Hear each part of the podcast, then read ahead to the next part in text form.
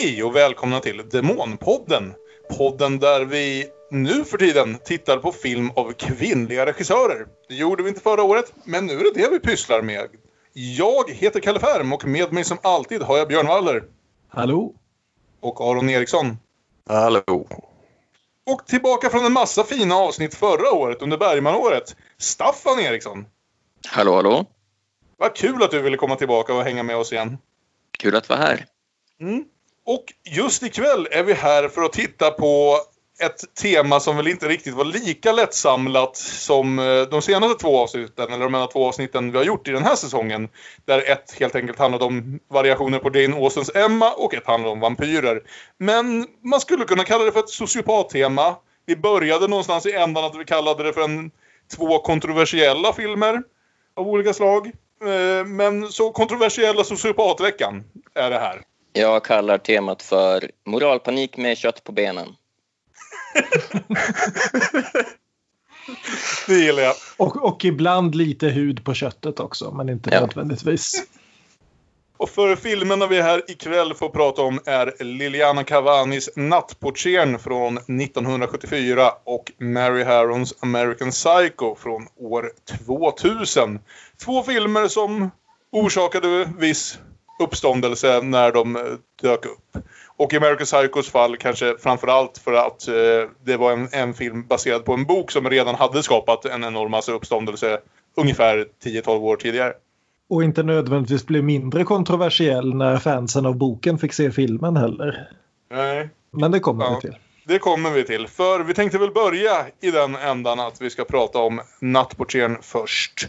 Vi har aldrig bestämt riktigt om i vilken ordning vi ska prata om filmerna på den här serien utan vi tenderar vara spontana kring det. Men det känns väl logiskt ganska ofta i alla fall att börja med den äldsta filmen först.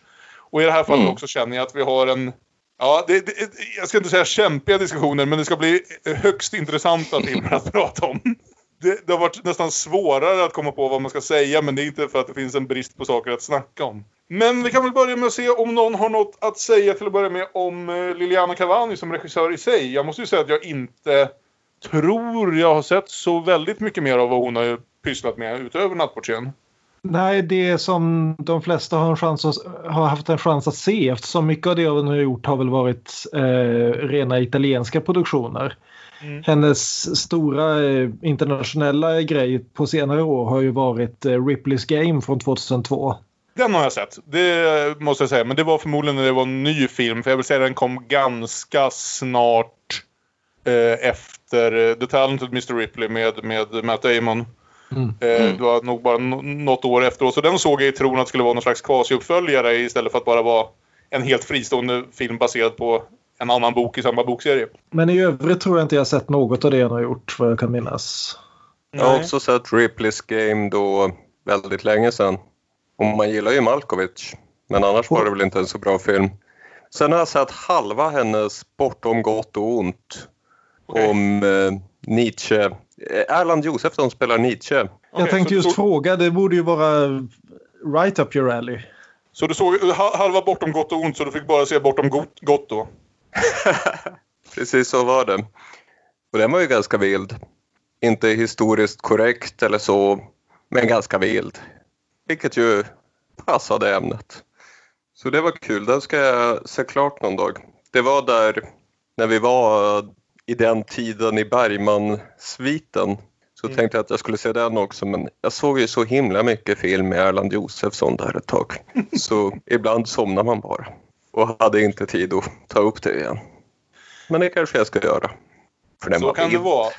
Men, men jag tror med andra ord att vi helt klart kan säga att Nattportieren som vi ska prata om här ikväll är hennes mest berömda film. För det var i alla fall, jag hade aldrig sett den förut men det är en film som jag var medveten om och hade varit medveten om väldigt, väldigt länge. Både dess rykte och eh, ungefär vad den handlar om. Ska man säga. För jag hade inte plockat upp allting men eh, jag kom in med en viss förkunskap i alla fall. Om ungefär vad det var jag skulle se för något. Och ja, det lättaste sättet att förklara varför Nattportieren är en så pass omdiskuterad, kontroversiell om man så vill, film är kanske att helt enkelt kortfattat beskriva handlingen sådär som vi försöker göra på egen hand nu för tiden när vi inte har en regi Bergman Lund att gå till. Så vår kära gäst Staffan har tagit på sig att försöka beskriva händelserna i Nattportieren på sisådär 30 sekunder. Mer eller mindre. Ja, vi befinner oss på ett tjusigt hotell i Wien. Året är 1957 och där får vi följa nattportieren Max. En fin herre som gör vad han kan för hotellets gäster. Ja, det var väl det hela i stora drag. Eh, har ni något att tillägga? Nej, det var en, var en fin danssekvens någonstans på mitten. Ja, det, men det är lite som en förlaga till den här uh, Grand Budapest Hotel, tänker jag. jag. Jag tänker just det här att filmen utspelar sig i Wien. Vi kan ju säga det att det här hotellet är ju då Hotel zur Oper, alltså hotellet vid operan. Mm. Vilket är ett väldigt fantasifullt namn. Men, eh, och skälet till att den andra huvudpersonen överhuvudtaget befinner sig på hotellet det är just operan. Bör man gräva ner sig i det här att alltså filmen utspelar sig alldeles invid liksom, europeiska kulturens högborg, Wien-operan, liksom Mozart, alltihopa. Eh, ja, och att det handlar så pass mycket om det kötsliga och att det dessutom är Freuds hemstad. Mm. Jag tror inte det är helt liksom slumpmässigt, nej. För de har ju valt var de ska sätta den och att det finns... Det finns nog en del tankar bakom det hur väl det sen kommer fram. För eh, Ja, en till sån här fråga som vi alltid brukar ställa någonstans i början när vi kommer ihåg det. Hade någon sett den här förut eller var det en ny bekantskap för allihopa? Jag visste inget. Men Staffan, du hade sett den förut? Ja, jag, eh, jag kom ju... Det var väl, jag gick, utgick lite från American, American Psycho som är en gammal favorit som jag gärna pratade om. Och sen när jag funderade på någon eh, lämplig parhäst till den så eh, gick ju associationerna till den här av någon anledning som jag hade sett en gång men hade väl fastnat i minnet. Mm. Ja, det är ju en, en minnesvärd film kan man säga, vad man ens kanske faktiskt tycker om den och det kommer vi väl också till. Men minnesvärd och eh, annorlunda, den sticker ut lite från mängden minst sagt. För dit vi kommer och vi, ja vi försöker ta det något snabbare takt än det här, det här året. Ganska snart så uppdagas det väl att denne Max som vi lär känna som nattportieren som tar hand om alla hotellets gäster inklusive en gammal rik dam som han verkar ha ett väldigt tätt förhållande till. Man får ju känslan av att hon bor på hotellet i stort sett och har tillräckligt med pengar för att faktiskt helt enkelt ha bosatt sig i en svit där. Är en gammal nazist. Så som det fanns en del gamla nazister runt om i Europa 1957 onekligen. Och, se, och eh. sättet vi får reda på det, det är ju att han i disken springer ihop med ett av sina gamla offer. Nämligen en ung kvinna som heter Lucia som är där med sin make som är dirigent på operan. Inte konduktör, dirigent. och de känner igen varandra och direkt så slängs vi in i en flashback till incheckningen, inte på hotellet utan i ett koncentrationsläger. Precis, så det vi har att göra med här är alltså en eh, fångvakt och en fånge från ett koncentrationsläger under andra världskriget som möts igen nu, vad ska man säga, en 15 år senare ungefär. Det är en av filmens bästa stunder alldeles i början när, när deras blickar möts och eh, den här Lucia spelad av Charlotte Rampling. Hon har ju ja, de mest fantastiska bleka och iskalla ögon. Det är lite som en, det påminner om Peter O'Toole tycker jag. Och jag hade bara sett henne tidigare i roller som hon gjort på 00-talet och 10-talet. Och mm. Så jag trott att hennes ögon liksom är präglade av åldern. Men det som, nu får man se samma ögon i ung tappning och hur de, ja, den här chocken när hon möter Max blick och börjar, ja, försöker samla sig men flackar med blicken och sen avviker snabbt. Jag tycker det är ja, riktigt tjusigt och, eh, mm. och sen snabbt i den här flashbacken då vi ser att Max eh, är en eh, SS-officer som går runt bland fångarna med en filmkamera och, och zoomar in på Lucia i, i tåget bland fångar. Och inte bara en filmkamera utan dessutom en strålkastare ovanpå filmkameran. Mm. Ja. Så det är väldigt liksom att filmen hon slänger in, mitt i filmen så slänger hon först in en flashback och i den flashbacken så slänger hon in en filmkamera. Det är liksom verkligen det är något väldigt våldsamt i bildspråket här. Även om vi ännu Mm. inte ser något våld så är det verkligen att vi som tittare blir attackerade av filmen nästan. Det, det är inte någon snygg liksom att det långsamt, långsamt blir en sån här upplösning in i en flashback. Utan det är verkligen rakt in i flashbacken och rakt tillbaka. Jag tycker, tycker helt överhuvudtaget att de lyckas skapa en helt fascinerande stämning här de första 20 minuterna eller så, även innan det här mötet med just Max som går omkring och träffar de här gästerna och hjälper dem med deras all, inte alltid helt rumsrena krav. Och eh, hon skapar en väldigt annorlunda liksom, det känns inte riktigt som någon annan film utan sen när vi snabbt liksom lär oss också att alla de här har en har en bakgrund inom eh, liksom, naziströrelsen eller SS mer specifikt för Max. Vi anar väl även att den här äldre damen har sympatier lagda åt det hållet. S- Så blir det en så fascinerande plats där hotellet, liksom lyxhotellet, gömt mitt i det öppna på något sätt men som ändå är fyllt av alla de här liksom spökena eller liksom som, som försöker gömma sig undan från, från vad de har gjort. Det där är ju någonting som återkommer i eh, naturligtvis i all liksom europeisk 50-60-tal. Vad gör vi med alla gamla nazister? Ja, men överhuvudtaget så, så fascinerades jag och började tänka på det hur mycket man annat har sett av det här som man tänker måste varit en otroligt liksom omvälvande samhällsomställning om liksom de första tio åren efter Nürnberg-rättegångarna. När alla de här människorna som har orsakat varandra så otroligt mycket smärta ska på något sätt försöka leva tillsammans i ett samhälle igen. Och jag kom på att jag har nog Precis. ändå inte sett så där jävla mycket om det.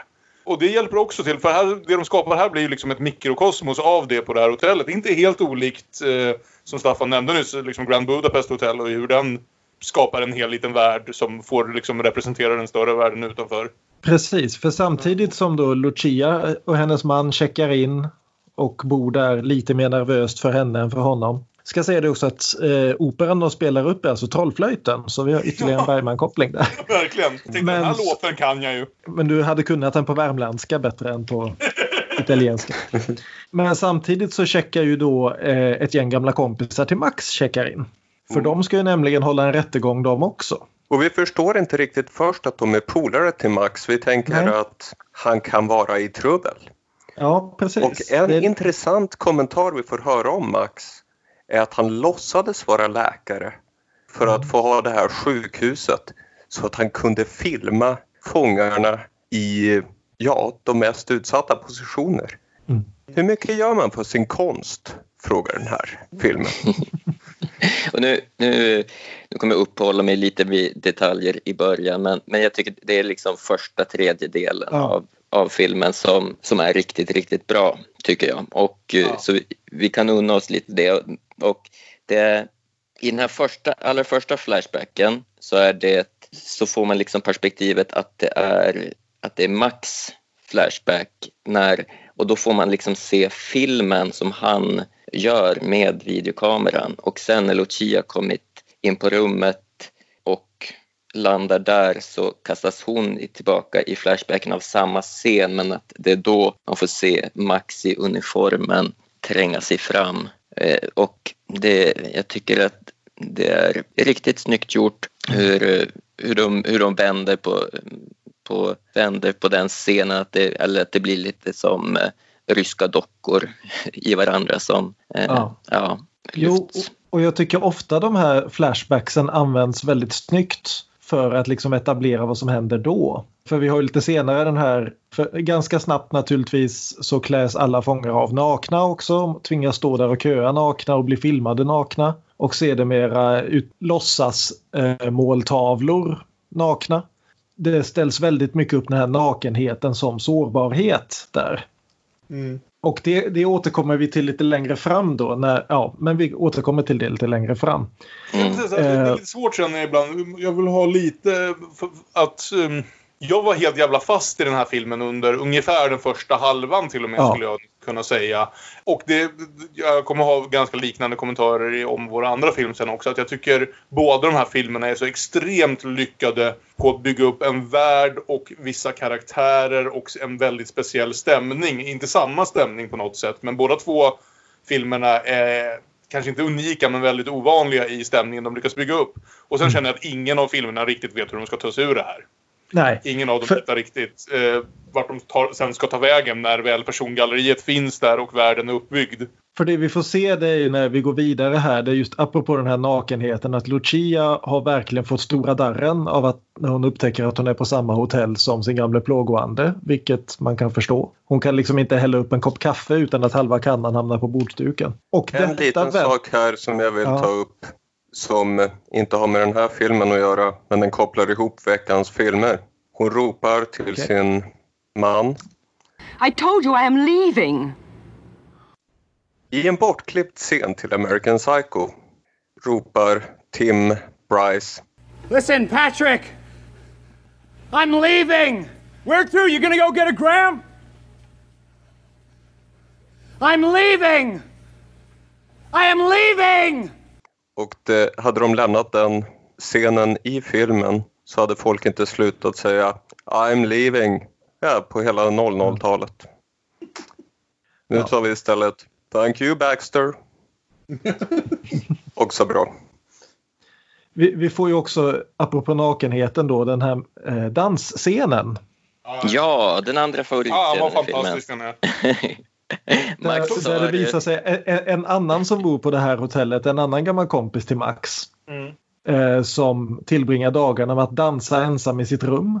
Medan Max står där med en lampa och ser till så att han har professionell belysning. Och vi får sen en flashback till koncentrationslägret där då samme man dansar iförd bara en väldigt, väldigt, väldigt, väldigt liten tangatrosa. En suspensoar. Ja, till och med det. Ja, men Och, det- fast den suspenderar inte speciellt mycket. Ja, men vilket ju till att börja med fick mig nästan tro efter den här flashbacken där. För vi ska ju säga så här. Det är inte som att det här är en film där de karaktärerna presenteras det första de gör och vi direkt vet att det här är han. Det är inte som en Guy Ritchie-film där de skriver under han föddes då och då och där, nu gör han det här. Utan eh, till att börja med trodde jag nästan att det här kanske hade hänt honom förut och att den här liksom dansande mannen var någon form av fånge han också. Men han verkar ju bara liksom ha, ha varit ytterligare en nazist med ett, vad ska vi säga, ett intresse för dans som uppenbarligen de andra delar. Ja, och det intressanta med det är ju att filmen leker lite grann med det här att både förövarna och offren har blivit fångar av det här. Och det är här man kan undra lite grann om filmen verkligen har koll på tonen, vad, vad man liksom bör... Okej, Ja. det är alltid knepigt det här vad man bör säga runt historiska tragedier. För då hamnar man allt för lätt i det här verkliga, liksom, är konsten moralisk eller omoralisk? Men jag, jag är inte helt säker på att den, att det här får den tyngd det förtjänar alltid.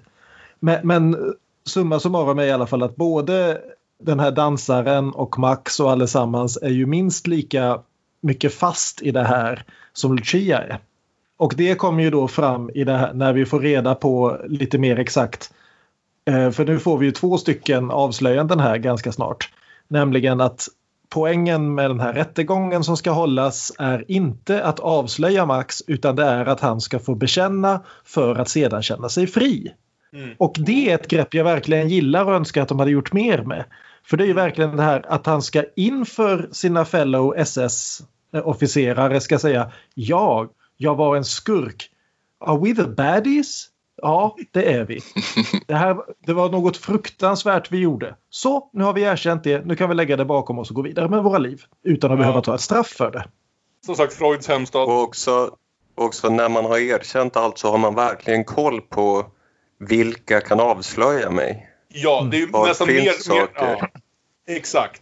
För det som de har gjort inför det här är ju att helt enkelt ta reda på allt bevismaterial som... Nu, nu har inte jag min eh, andra världskrigshistoria klar för mig tillräckligt men jag menar Nürnbergrättegångarna var ju liksom första steget i det här att ställa nazisterna inför rätta och sen så liksom fortgick det väl med ett antal fler mindre rättgångar mot liksom enstaka individer och det verkar vara det de gömmer sig undan att de vet att de är i sådana sitsar att de skulle kunna dras inför rätta för det de gjort för, liksom, för krigsbrott och Ja, att det då- de då gör är, är att leta upp möjliga liksom, dokument och vittnen som skulle kunna användas för att döma dem och försöka få dem eh, ur vägen.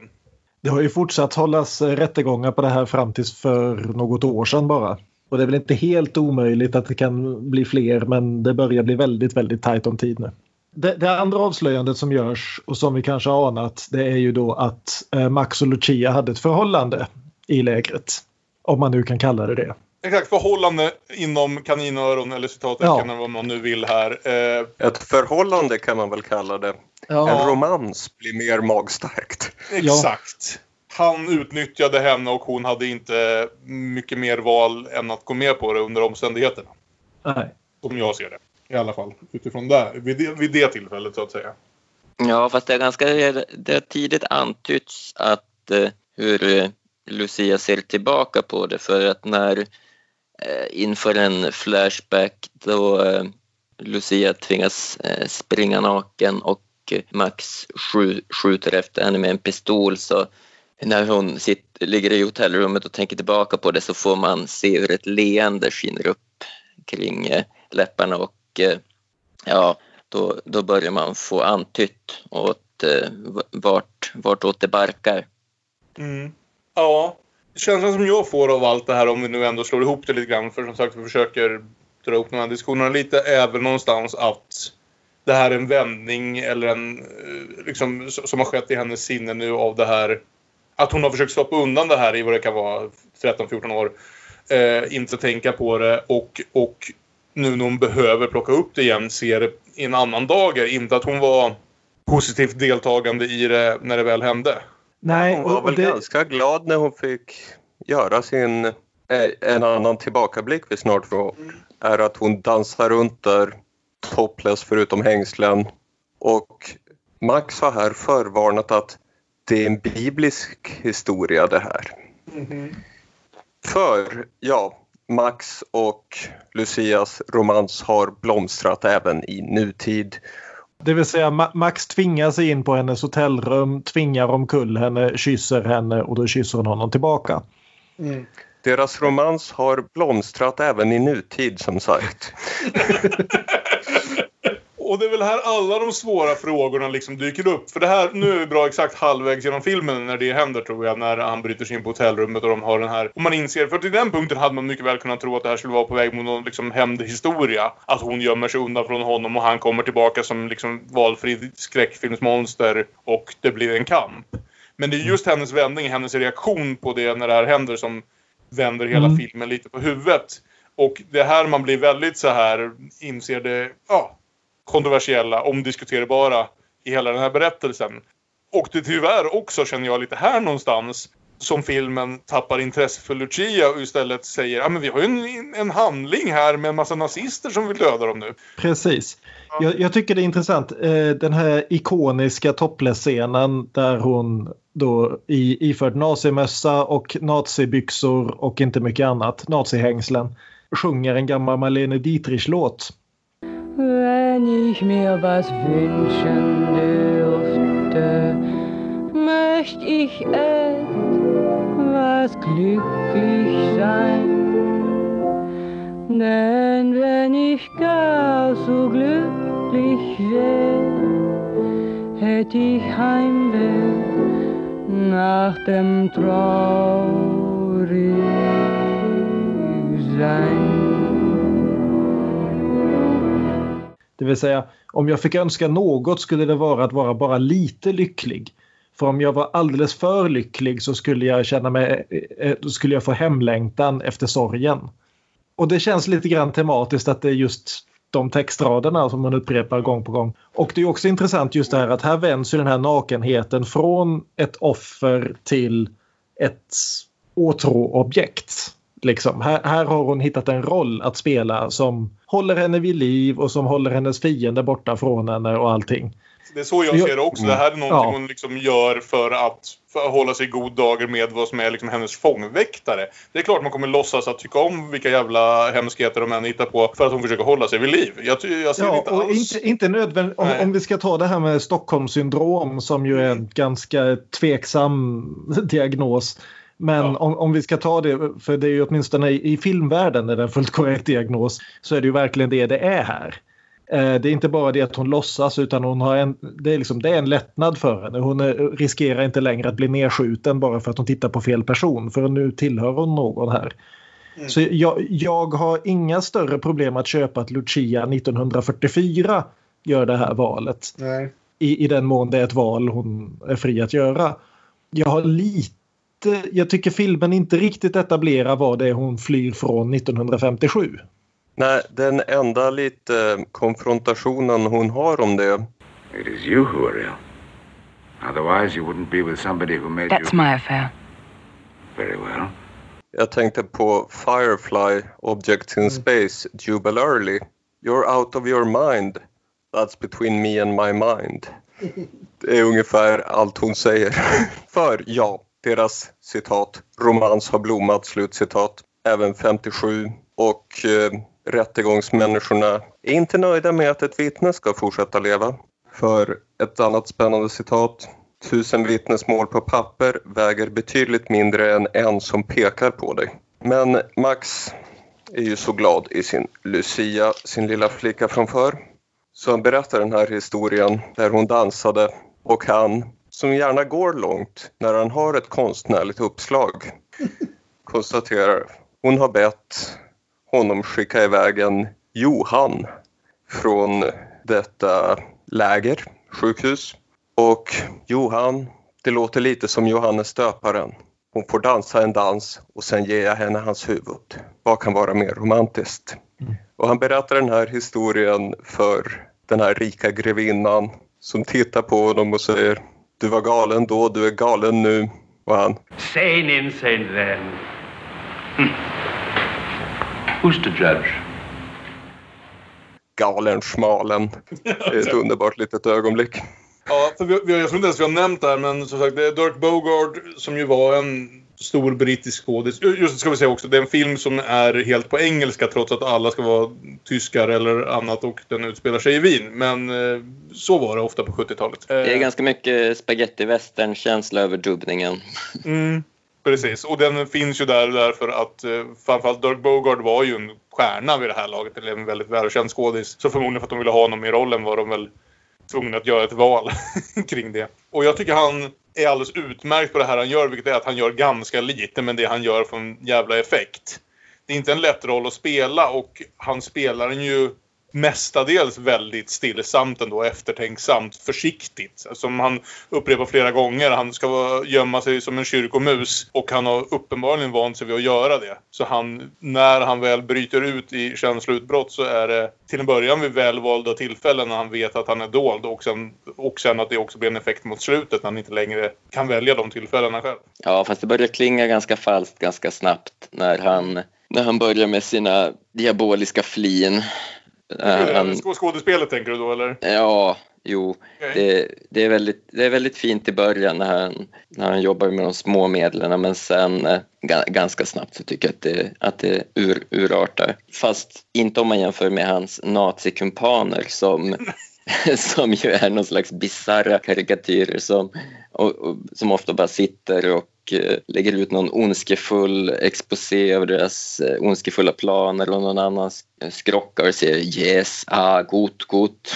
Ja, men Nej, men bara så- jag, kommer inte, jag tror han heter Hans, karaktären som har den här Klaus. monokeln. Kla, eller Klaus. Ja. och. Och Klaus är ju så mycket filmnazist som någon någonsin har varit. Han är ju verkligen, alltså, han är ju verkligen arketypen, den absoluta klyschan av en filmnazist så som vi har sett dem i Mm. Filmer som vill vara mycket mindre komplicerade än vad den här är. Är det han som har monok- monokel också? Ja, jo, det var det. Såklart, Så, Ja, men menar, sen finns, såklart han har en monokel. sen finns den här professorn också som eh, spelas av eh, en Gabriele Fersetti. Ja, han, han, han är med i Once upon a time in the West. Kände jag igen honom från. Men som gör lite Är det mer... han som heter Fågler Ja, och fågel. en tydlig Vergerus?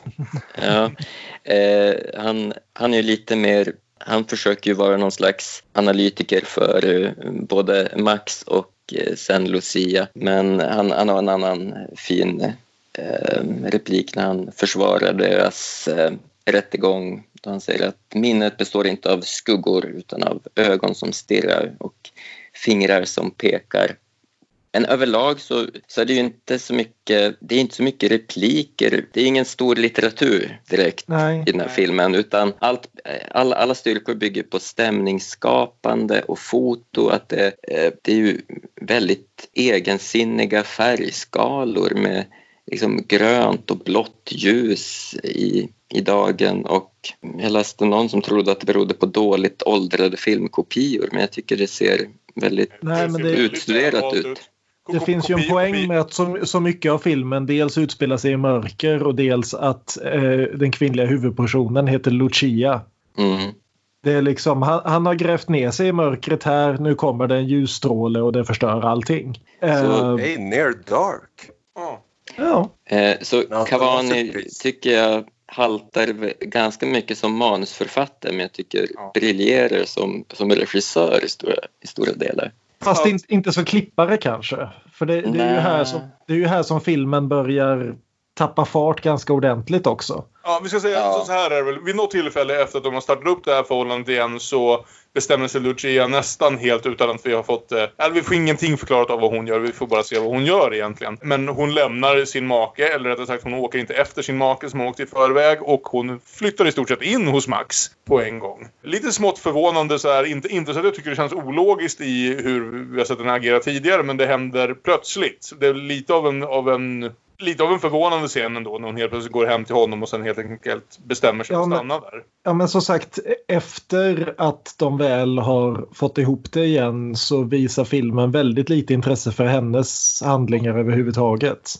Det är verkligen problemet det här. Problemet är Ja. att jag är första jag tycker första delen av den här filmen är skitbra. Alltså riktigt intressant som brottas med massa frågor som jag tycker känns intressant och hela den här konstiga världen. Och jag vill ha en film som går från den punkten och fortsätter någonstans att verkligen analysera det här jävla konstiga förhållandet. Problemet är att vid det laget blir det någon slags riktig jävla halv-Hitchcock om att nu vill nazister döda dem och de måste ta för att gömma sig undan och inget handlar egentligen om det längre. Nej, nu- blir det liksom en coronafilm av det. De köper Ja. en massa mat och så sitter de fast i lägenheten.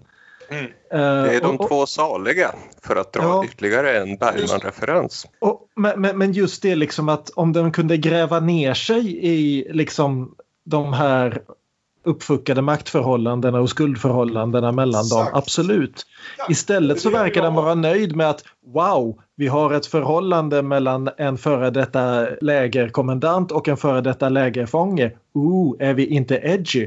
Och går inte vidare från det. Nej, Mm. Det, det, det är liksom nå- någonstans där så undrar jag om filmen vi egentligen vill vara mer än till exempel Ilsa She-Wolf av VSS fast med lite snyggare fotografi. Ja, nej, alltså jag är sjukt besviken på andra halvan av den här filmen. Jag är verkligen det. För jag trodde jag var på väg mot nästan en ny favorit här. Men i slutändan så är det, blir det liksom, det bara puttrar ut. Det till och med avslutningen som den är inte så dramatisk som den hade skulle, skulle kunnat vara. Och även liksom in på, långt in i den andra halvan trodde jag ändå någonstans att det här skulle vända sig till en häm- hämndfilm. För det naturliga, även om det hade varit att följa lite mer tråper, är ju att vi att det här skulle vara en film där, där maktförhållandena vänds. I slutändan så får hon makten över honom och antingen tar hämnd eller använder den för att bara liksom...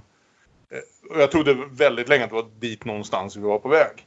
Eh, Men istället inget så blir det Istället Han- så blir hon- det hon värld, fortsätter- världen Hon fortsätter ju vara undergiven. Även i det här nya förhållandet är hon så extremt undergiven. Eh, tyst till och med. Tyst accepterande av allt hon utsätts för. Eh, vid de allra flesta tillfällen. Och jag vet, ja. Det, så det är en jättekonstig film för man vet inte vad den är ute efter. Att, om man ska dra paralleller som Björn ville till, till She-Wolf of DSS så det är ju inte heller en särskilt mycket av en liksom erotisk film eller liksom en... Eh, för den har lite av ett rykte om att vara liksom en film någonstans om liksom sadomasochism och så vidare och de aspekterna finns ju absolut där men det ju inte, finns ju faktiskt inte mycket sex i den här filmen. Egentligen. Utan det är ju liksom, jag säger inte att det är någonting jag saknar, jag tycker bara att det är intressant att det verkar vara, den är en så extremt förvirrad film. Den är framförallt i andra halvan. Den verkar inte alls veta vad den vill göra med det här förhållandet. Den har etablerat ett superintressant förhållande och sen så kastar den bort det liksom. Direkt etablerat. Ja, det finns ju ganska mycket sex i den ändå. Det finns ju i koncentrationslägret så är det två nakna manskroppar som håller på att stångas mot varandra. Medan Absolut, jag- naken Lucia ligger och tittar på och till, till dess att Max kommer och hämtar henne för, Jo, vad jag ja, för menar, deras första kontakt. de bygger, bygger inte upp det som på det sättet som ett sadomasochistiskt, alltså erotiskt förhållande mellan de två. Utan det är ju Alltså det är det som är så konstigt att det någonstans verkar att de vill att vi ska tro att det är ett, ett förhållande byggt på romans snarare än någon form av maktförhållande. För om det Ja, någon Ma- historia Max, som, som, by- Max som tror bygger... definitivt det. Ja, för om det finns någon historia som bygger sig för att liksom bli en studie i hur, hur sex och övergrepp handlar om makt snarare än liksom kärlek eller lust eller någonting annat. Så var det väl den här. Men den verkar inte vara så jävla intresserad av det ändå. För just den här hand, hämndhandlingen med offret som känner igen sin förövare, det har ju gjorts med liknande grejer. Jag tänker till exempel på Döden och flickan med Sigourney Weaver. Mm. Eh, som är en, i och för sig lite av en filmad pjäs men eh, det är väl, vad heter han, Zuckerman, Dorfman någonting som har skrivit pjäsen. Men eh, det är väldigt bra psykothriller i alla fall. Ja, en, en Eh, mer problematisk nu för tiden med att ha Roman Polanski göra en film om en våldtäktsoffer som hämnas på Sant, sin sant, förövare. sant. Men, ja, eller Maratonmannen har ju också de här grejerna i sig. Liksom. Så jag menar den storyn har gjorts och den har gjorts väl. Den här storyn där de känner igen någonting i varandra och återupptar det här. Det har inte gjorts lika ofta och det hade kunnat göras mycket, mycket intressantare än det här. Men som jag känner det så blir det liksom när de väl har etablerat det så blir det bara lite tråkigt sensar- försök till sensationalism. För mig är filmen verkligen går på tomgång efter den här mest berömda Flashback-scenen med hängslena och huvudet. Och efter det... Ja, jag, ty jag tycker den har, den har vänt neråt redan, redan innan det. Så snart som eh, Max och Lucia återupptar sitt eh, förhållande i nutid så, så, ja, så går, går luften ur och det blir den här nazihandlingen och eh, ja, om vi sammanfattar sista biten så blir de ju och en slags bisarr ockupation då, då de blåser in sig i lägenheten. Nazisterna skjuter på Max när han går ut på balkongen men sen så, sen så lurar de ut honom i trapphuset men då, då försöker de resonera med honom. Ja, det, Ja. Den drar ut på det där och sen till slut så, så två- en natt så hoppar de i en bil och eh, Ja, de hoppar i en bil utklä, utklädda till sina gamla roller. Han i SS-uniform och hon i lägerklänning.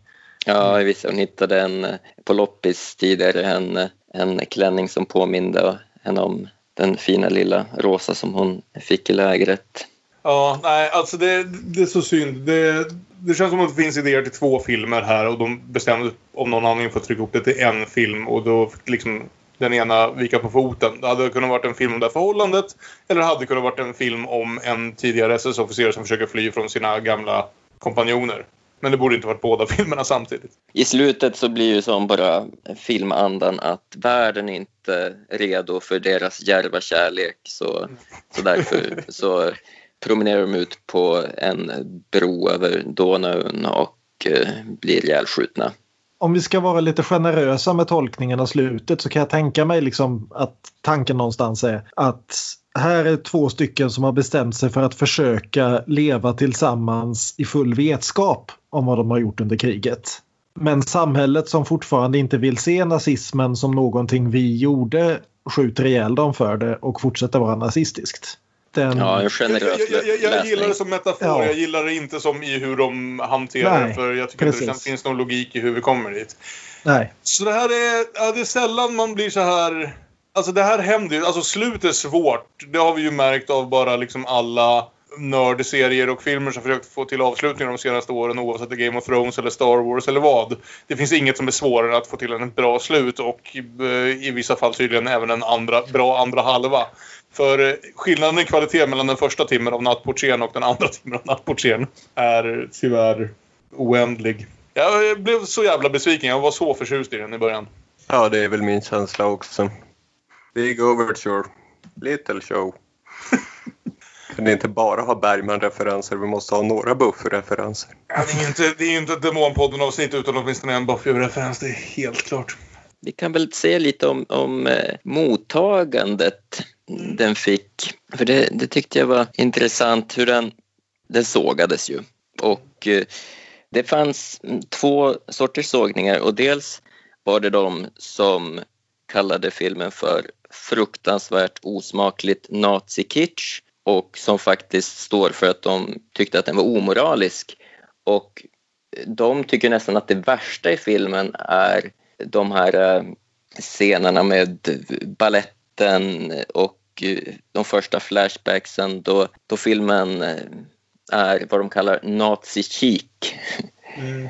och sen fanns det andra sågningar som mer då, som bedyrade sin kärlek till Marquis de Sade och att de absolut inte hade något emot en så här djärv historia men att, men att den bara var ett undermåligt hantverk och dåligt skådespeleri. Och jag tror väl lite att, att även den typen av sågningar var också ganska färgade av att det fanns någonting så motbjudande i det hela. Mm. Och ett roligt citat från en recension angående scenerna med trollflöjten. If the friends of Mozart decide to pick it on his behalf, I'll be among them.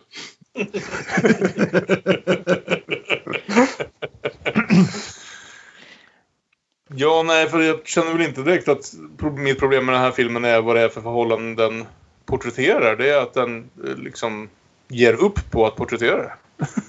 nej, men hela den här biten med koncentrationslägret den lider ju lite grann av att vara så väldigt, väldigt vag också. Mm. Det är liksom det är väldigt oklart varför hon är där det är väldigt oklart vad De som sker. För det, för vi ska ju säga det att ja. någonting som inte alltid framkommer i historieskrivningen eller enkla historieskrivningar för lära sig Det är en jäkla skillnad mellan olika koncentrationsläger. Mm. Det är en väldig skillnad mellan att sitta som socialdemokrat i koncentrationsläger 1935 och att sitta som jude i, koncentrations i utrotningsläger 1944. Det är skillnaden mellan ett fängelse och ett dödsläger. Det här har liksom hela den estetiken från ett dödsläger samtidigt som det inte verkar förekomma speciellt mycket faktiskt vare sig arbete eller utrotning i det. Utan det är liksom bara det är ett ställe att förvara folk så att elaka nazister kan leka med dem en stund. Och de gamla och de urmärglade ska stå som stoder i bakgrunden och titta ja. på, det, på de chockerande sakerna som de unga gör i förgrunden. Mm. Precis. Men man får ju intrycket av att det blev ganska mycket dödande ändå. Det nämns hur Max faktiskt skrev under dödsdomarna. Ja, vid de här rättegångarna. Så, så att det var lite vanemässigt att ta koll på folk också. Grejen Men det, det får vi inte se heller. Ja, nej, grejen är ju det någonstans att eh, att, uh, vad heter det, just det vi, vi, nämnde inte ens den här scenen på hustaket där Max för att visa en poäng gör, en, gör Heil Hitler och alla helt liksom spontant som Dr. Strangelove måste göra Heil Hitler samtidigt trots att de säger sig försöka lägga det här bakom sig. Men uh, alltså det är konstigt för jag tror någonstans ändå att jag kommer tänka tillbaka på den här filmen som en film jag någonstans ändå uppskattade att se bara på grund av att den har en så stark första halva att den är så väldigt annorlunda från nästan allting annat och är på så god väg till att bli något lyckat. Mm. Men med det sagt om Nattportieren. Eh, en film som vi alla verkar ha blivit milt besvikna över i slutändan. Eh, så kanske vi ska hoppa 26 år framåt i tiden och prata lite om Mary Harrons American Psycho. En film som är byggd på den kanske mest ökända och även berömda boken från det tidiga 90-talet. En bok som jag vill säga att även om långt ifrån alla läste den så hade nog de flesta hört talas om den och eh, till någon mån följt diskussionerna kring den. Jag vet att det gällde, gällde mig själv i alla fall. Så ja, det var mycket snack även om den här filmen när den skulle göras om, och om den ens kunde göras och hur man skulle göra den. För Björn, och kanske inte bara Björn, men jag vet att Björn har läst den ett, ja, åtminstone en gång, kanske ett par gånger. Jag har ja. läst den både i original och i Einar Heckschers RIP väldigt egenartade svenska översättning. Handflata med fem. Det är en väldigt fin svensk översättning. Mm. Visst så... är det därifrån som eh, handflata med fem kommer? Absolut. Det, det gör det nog, ja. Mm. ja. High Five var något helt nytt i Sverige eh, runt 1992 när Einar Heckscher skrev sin version av American Psycho. Inte så mycket en översättning menar du som en tolk, alltså grav som, som allt Einar Heckscher översatte. Det är, en ganska, det, det är en lös rapsodi på ett tema av Bret Easton Ellis. Fantastiskt. Men, men ja. Mary Harron som sagt. Ja. Det här är ju en filmmakare åtminstone jag har lite mera koll på. Hur är det med er? Inte supermycket. Jag har sett I shot Andy Warhol men det var evigheter sedan och förmodligen bara en gång. Mm. Vad Kalle sa. Ja, Jag, har inte, jag har inte ens sett den, så det, eh, det här är den enda filmen av henne jag har sett. Okej. Nej, men då kan vi ju lite snabbt bara gå igenom att hon debuterade ju som sagt med I Shot Andy Warhol baserad på eh, Valerie Solanas liv i New York med eh, Lily Taylor i huvudrollen som är helt jävla fantastisk i den huvudrollen. På styrkan av det fick hon då göra American Psycho som väl är än idag hennes, hennes stora liksom, det är det hon skriver på visitkortet. Eller förlåt, trycker på På visitkortet. vilket visitkort sen? Hon gjorde en, den enda film av henne jag inte har sett som är en biopic på Betty Page som kom 2005. Sen gjorde hon en ganska taskig gotisk skräckfilm som heter The Moth Diaries. Inte värd att leta upp så vitt jag minns. Jag minns väldigt lite av den men jag tyckte inte om den. Och sen förra året så släppte hon en film som heter Charlie Says. Den kom ungefär samtidigt som eh, Quentin Tarantinos Once upon a time in Hollywood och handlar också om Charles Manson. Fast den här gången då beskriven utifrån Charles Mansons tjejers perspektiv. Okej. Med Matt Smith som Charles Manson. Vilket är väldigt roligt om man har sett Doctor Who. Men eh, den är faktiskt långt ifrån perfekt men en riktigt intressant film. Hon, hon verkar också, jag bara tittar lite snabbt här på IMDB. Att regissera någonting på tv är inte jämt samma sak som att regissera det i långfilmer för man har oftast mycket mindre att göra faktiskt med vad det är man sysslar med. Men hon verkar ha varit en drivande kraft bakom eh, Margaret Atwood filmat, eller tv-serien Alias Grace Ja. på Netflix. Mm. Eh, som jag inte har sett. Men jag ser ju däremot att hon har eh, regisserat tv-serieavsnitt av flera av mina favoritserier inklusive eh, Homicide Life on the Street och Six Feet Under. Så bara en sån Ja. sak för mig. Vi ska nämna det också att hon, de allra flesta av sina filmer har hon gjort ihop, där hon skrivit manus ihop med en tjej som heter Guinevere Turner. Så det är kvinnligt bak, både bakom kameran och bakom pennan så att säga. Och det är väl någonstans så här som någon som kommer in nu med, mot American Psycho utan att ha läst boken men vet väldigt mycket om boken ändå på något sätt. Kanske så mycket man kan veta utan att ha läst den. Boken av Bret Easton Ellis fick ju ganska snabbt ett rykte om sig som en väldigt misogyn bok. Och all den liksom, vad ska man säga, rädslan för att eh, vad det skulle bli som film försökte väl liksom blidas någonstans genom att sätta två självutnämnda liksom, feminister bakom kameran då. Genom att låta både en, en kvinna regissera och en kvinna skriva den här han, berättelsen om en seriemördare som onekligen eh, som karaktär är extremt misogyn och sen så får man väl jag vet inte tillräckligt mycket om Bret Easton Ellis som person eller som sagt riktigt hur boken är skriven för att veta vad, vad, vad till exempel Björn gör för tolkningar av det. Det där är en väl... ja, Hur många timmar har du på dig? Ja, exakt. Det, det, det där är en grej man kan gräva ner sig väldigt mycket i. Mm. Det, det, det är ju Och också... läsa den gode Bretts nya bok om hur jobbigt det är att vara vit man. Ibland blandar jag ihop vem, ibland när jag bara har hört historier, jag ska säga det direkt för jag kommer förmodligen göra den missen under avsnittet här nu, men ibland när det handlar om framförallt vad de kan ha sagt i intervjuer och sådana saker tenderar jag att blanda ihop Bret Easton Ellis och Jacques Palahniuk förr eller senare. Men Det är ju en liten kul grej det där att liksom de två stora eh, sena, eller 90-tals tolkningarna av den nya manligheten som så många liksom American Psycho och Fight Club. Båda är skrivna av, homos- av homosexuella män. Det, ja. Men ja, vart, vart vill du starta Björn? Ska man starta vid boken? Ska man starta vid filmen? jag, tycker vi, jag tycker vi startar... al- Alltså, Aron, ville du göra en 30 sekunders summering? Ja, visst ska jag det. Patrick Bateman är 27 år och jobbar på Wall Street. Och han är inte bara amerikan, han är psyko också. För med samma blaséartade attityd som han går på fina middagar gör han också fula mord. För han hatar människor. För att citera sången American Psycho av Misfits. Titta in i sjuka ögon. Jag hatar människor.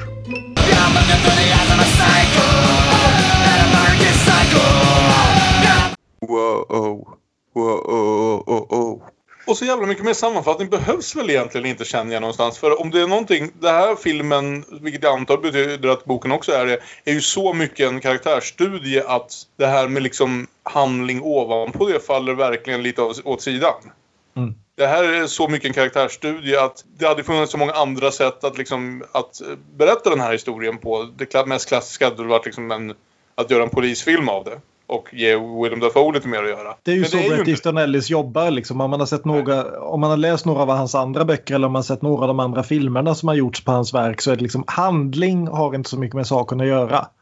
Men, men jag, tycker det, jag tycker det är intressant. Som sagt, alltså boken när den kom ut blev ju inte helt utan rätta anklagad för att, ja, om det är misogyn eller en parodi över misogyni, det kan man ju diskutera. Det, det är väldigt svårt.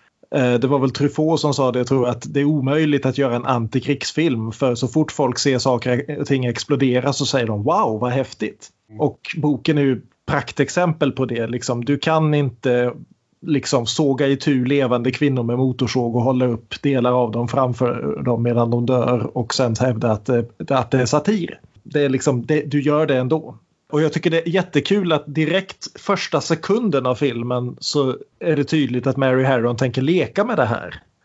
Att hon vill inte filma den våldsamma delen av boken, hon vill filma satiren. Så vi ser liksom blodet droppar, blodet droppar. Nähä, det är en reducerad rödvinssås som hälls över en jättefin tournedos som ska se- serveras på den finaste restaurangen i New York. Och där sitter Patrick Bateman, vår huvudperson, tillsammans med sina fullständigt identiska Armani-klädda kollegor och pratar om hur PK de är. Mm. Sluta med den där antisemitismen. Du måste tänka på att judar är precis som riktiga människor. Alltså det är ju så här att jag har mina problem med den här filmen. Men särskilt nu, jag tror det här är tredje gången jag sett den. Jag har nog sett den bra exakt var tionde år sedan den släpptes. Det är en så för jävla rolig film i alla fall i stora bitar. Det är filmen som för mig bevisar att, att Christian Bale är bäst när han ska vara rolig. För att han är faktiskt...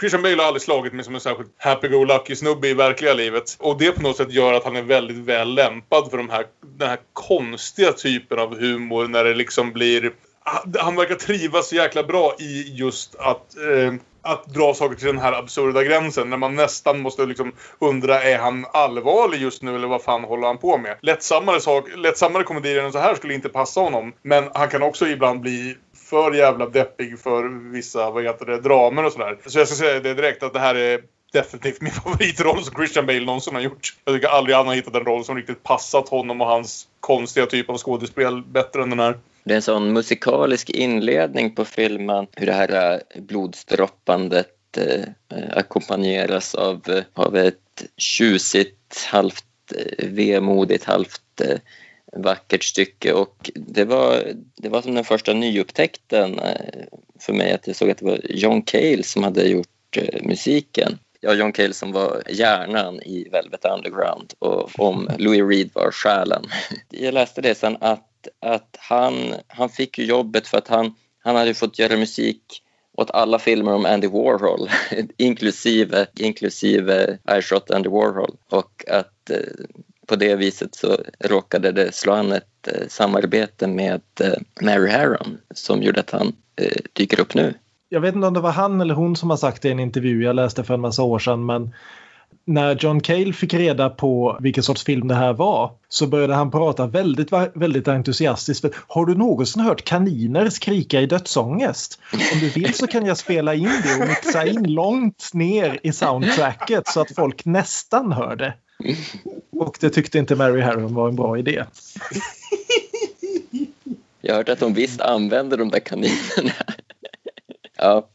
Ja. Eh, men eh, den andra upptäckten var att jag inte, jag har inte sett, eh, sett den här filmen på över fem, 15 år men, men då såg jag den väldigt många gånger och så snart som gänget började prata där på restaurangen om eh, större problem än Sri Lanka att oroa sig om och eh, apartheid så upptäckte jag att jag, jag kunde ju varje replik utan till och det, det, var som att, det var som att lyssna på Help med Beatles att eh, man, jag, jag kunde som inte höra, höra vad de sa för att, för att det var så, det satt så inpräntat. Ganska direkt efter den här restaurangscenen får vi den här ikoniska scenen där vi får se Patrick Bateman göra sig klar för dagen. Mm. Med många väldigt, väldigt närgångna bilder av eh, Bales muskler. Och en lång, lång monolog. I always use an aftershave lotion with little or no alcohol because alcohol dries your face out and makes you look older. Then moisturizer, then an anti-aging eye balm followed by a final moisturizing protective lotion. There is an idea of a Patrick Bateman, some kind of abstraction, but there is no real me, only an entity, something illusory. And though I can hide my cold gaze, and you can shake my hand and feel flesh gripping yours, and maybe you can even sense our lifestyles are probably comparable, I simply am not there. Och det här är ju en sån här grej som folk antingen älskar eller hatar med den här filmen. Det här voiceovers där han förklarar exakt vad vi ska ta med oss av filmen. Mm. Och där är jag lite osäker på hur många lager satir vi är nere i egentligen. Att fi filmens skurk förklarar varför han är en skurk därför att han är precis som vi. Därför att han, eh, ja. Ja. Jag, jag, jag gillar det men jag vet inte om det håller. Det finns ju några saker som alltid blir kommenterade som motiverade eller i regel omotiverade i filmer. Och det är sex och naket, det måste vara motiverat. Och våld, eh, det får absolut inte vara omotiverat. Och berättarröst är nästan alltid omotiverat och American Psycho bockar av alla tre på ett väldigt tjusigt vis tycker jag. Jag tycker allt är synnerligen motiverat. Ja, men, men som sagt, det, det, det är ju inte mycket handling här. Så liksom första 20 minuterna händer inte så mycket, vilket i sig är en rätt kul grej. För återigen, jag tycker den här filmen har åldrats ganska väl. Men Mm. när man såg den här år 2000 efter att ha väntat på den i nästan 10 år efter att ha läst boken. Och disk alla diskussioner runt går det här att filma. Och så plötsligt så är vi en halvtimme in i filmen och inte ett enda jävla mord har skett. Nej.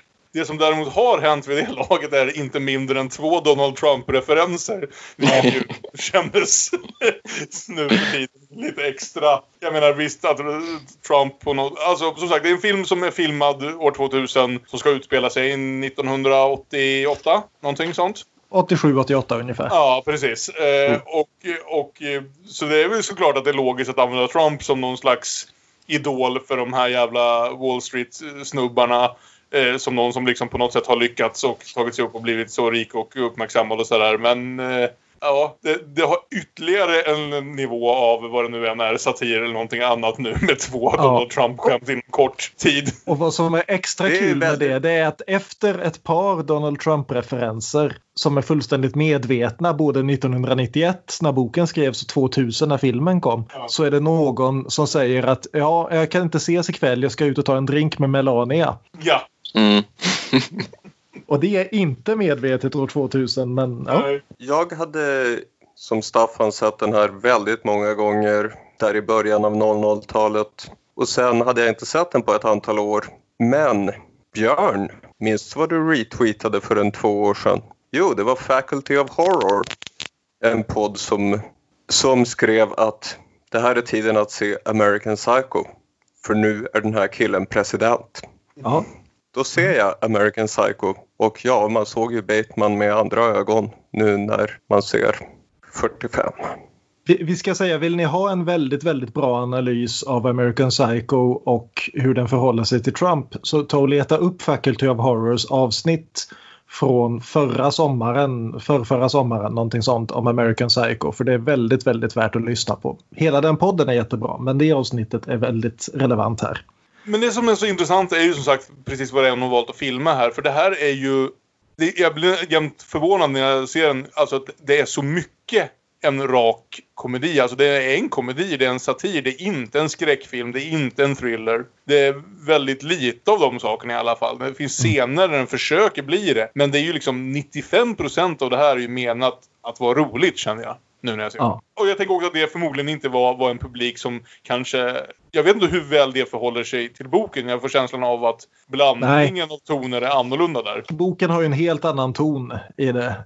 den har sa satiren finns där i boken också och mm. Bret Easton Ellis själv som är lite kluven till filmen och ibland rent negativ till den. Han har sagt också att det bästa med filmen är att den fick fler människor att inse att det är en satir.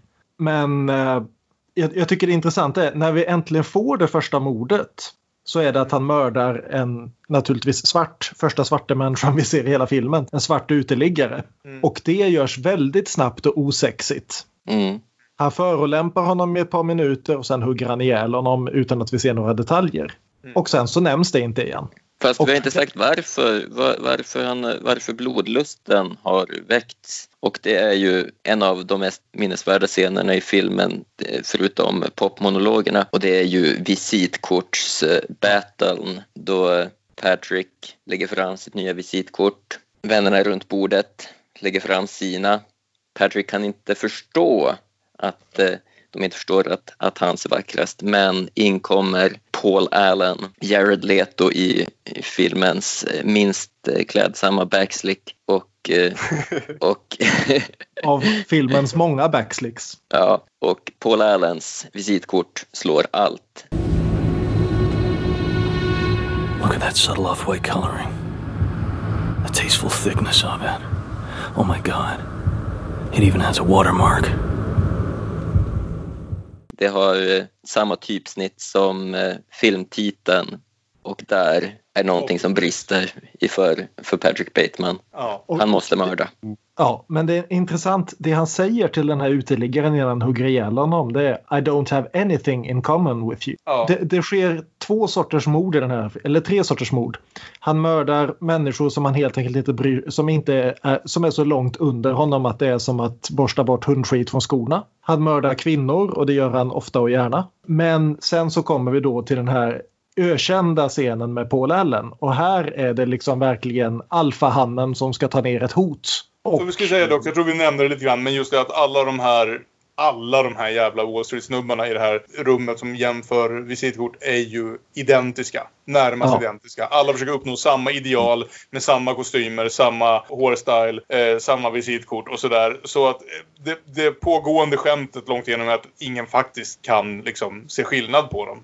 Alla misstar någon för någon annan. Ja, det, en annan- det är ett väldigt roligt skämt men det är också, tycker jag, i, till filmens försvar att här planteras ju filmens handling. Mm. För det finns en handling. Och eh, ett av, ett av alla, en av alla förväxlingar är att Paul Allen misstar Patrick Bateman för någon annan och sen Marcus Halberstram. M- Marcus Halberstram och, eh, och in, när det är dags för eh, Bateman att inte få tid ensam med, med Paul Allen så bjuder han ju ut honom på partykväll under, under falsk identitet. Mm. Vilket nästan går att missa bara för att alla namn och alla personer är så snarlika så att det, det liksom blir bara, verkligen bara en detalj i det. Det är det som nästan gör... Den är ju väldigt medveten om att den lägger handlingen och vad ska man säga, de här alltså plot twistsen i den lilla biten av filmen som är en thriller kring ska han åka dit eller inte läggs väldigt mycket i bakgrunden på att försöka hänga med i vilka av de här snubbarna som är vilka, vilka- för de är till det närmaste identiska. Sen ska vi säga också att jag känner det nu ju mer jag tänker på det att den, det är en film som lever väldigt mycket i samspel med Fight Club i vad de har, försöker säga att de är byggda på böcker av de här två författarna som ju jobbade vid ungefär samma tillfälle och talade om liknande teman. Det är också båda två filmer där bland de mest tillfredsställande ögonblicken är att se Jared Leto bli enormt våldsamt. Minns ni att det fanns en tid där man var glad att Jared Leto var med i en film? Fast jag gillade, aldrig, värld. gillade aldrig Jared Leto ens då så därför var jag så glad att han i alla de här är så jävla inkompetent och blir så otroligt illa behandlad. Och hur illa behandlad blir han inte då? Alltså Patrick Bateman bjuder hem honom. Det här är ju också ett stående skämt. Att han uppger sig att vara någon annan men han bjuder hem folk till sin lägenhet. I sitt hus. Där det står hans namn på dörren. Där dörrvakten vet vad han heter. Om polisen kommer och frågar så kommer de säga ja men Patrick Bateman han bor i 33C. Det spelar ingen roll att han påstår att han heter Marcus Ha- Halberstram eller Paul Allen. Det, det står Patrick Bateman på dörren. Men hur som helst han bjuder hem Paul Allen dit. Han sätter på Hugh Lewis and the News. In 87, Huey released this. Four, their most accomplished album. I think their undisputed masterpiece is Hip to Be Square. A song so catchy, most people probably don't listen to the lyrics. But they should, because it's not just about the pleasures of conformity and the importance of trends, it's also a personal statement about the band itself. Hey, Paul! Ah! Try getting a reservation at Dorkin now, you fucking stupid bastard!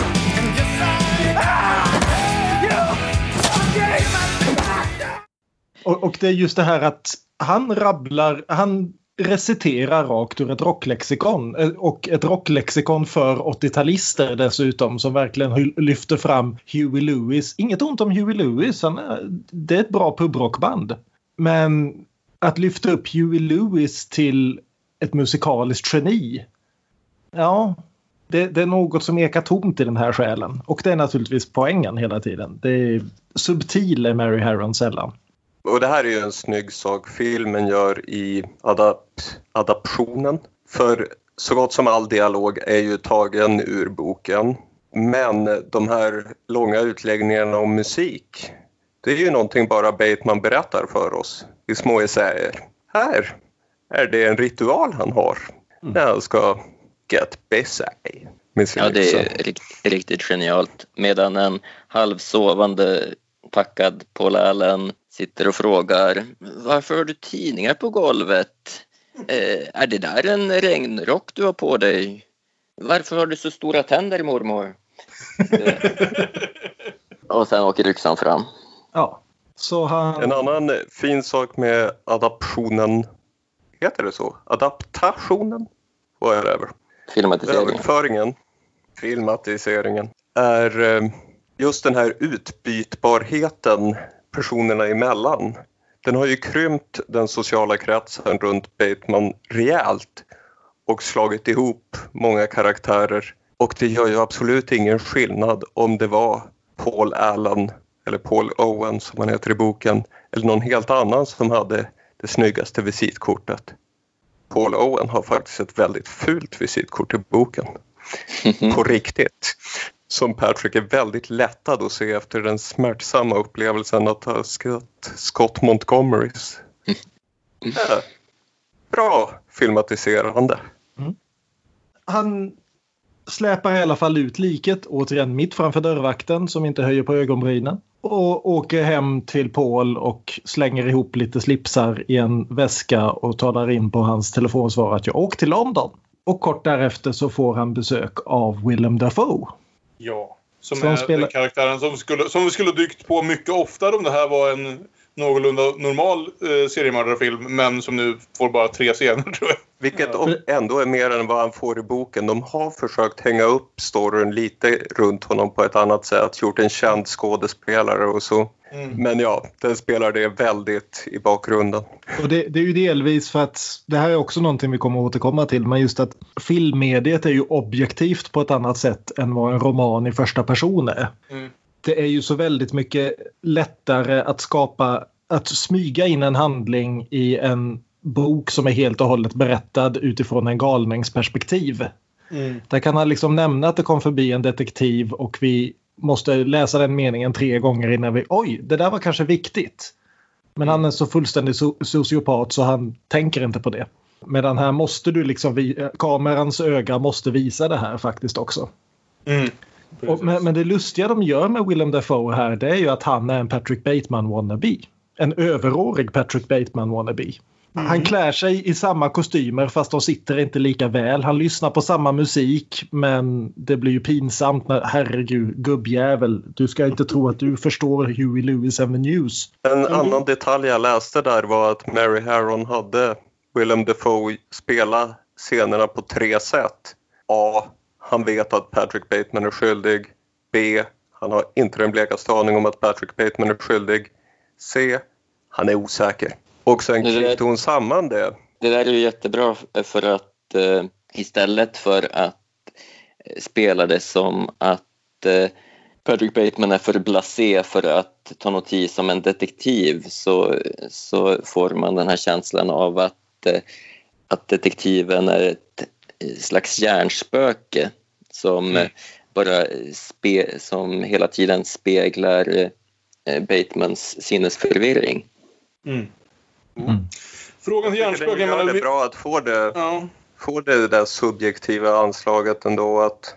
Ja. Jag kan väl säga så här, för vi kommer komma fram dit snart så det är inte direkt som vi inte kan liksom diskutera spoilers för vad, vad som händer om 20 minuter. Men jag känner väl någonstans att just det här vad händer och vad händer inte i Patricks huvud är lite där filmen inte riktigt vet hur den ska hantera det.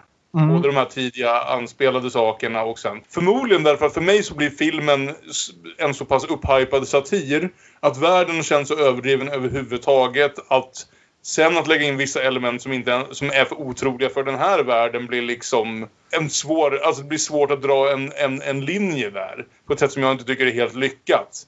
Det är lite som att liksom eh, slänga in en twist om att någon är ett spöke i en Monty Python-sketch. Ja, men det påverkar inte riktigt hur vi ser, hur, vi ser den verkligheten. Den var absurd nog redan innan den, den punkten. Liksom. Så det, det, den aspekten av filmen är absolut det som inte funkar för mig. Varför jag inte tycker det här är Jag, jag skulle säga att man kan ganska exakt placera brytningen var, där vi går över fullständigt i Batemans fantasi i en scen. Och det är den Feed me där- with a stray cat. Nej, det, det Okej. händer innan dess. Det måste vara innan det. Det är när han Ja. har bjudit hem sin sekreterare. Mm. Spelad av Chloe Sevigny.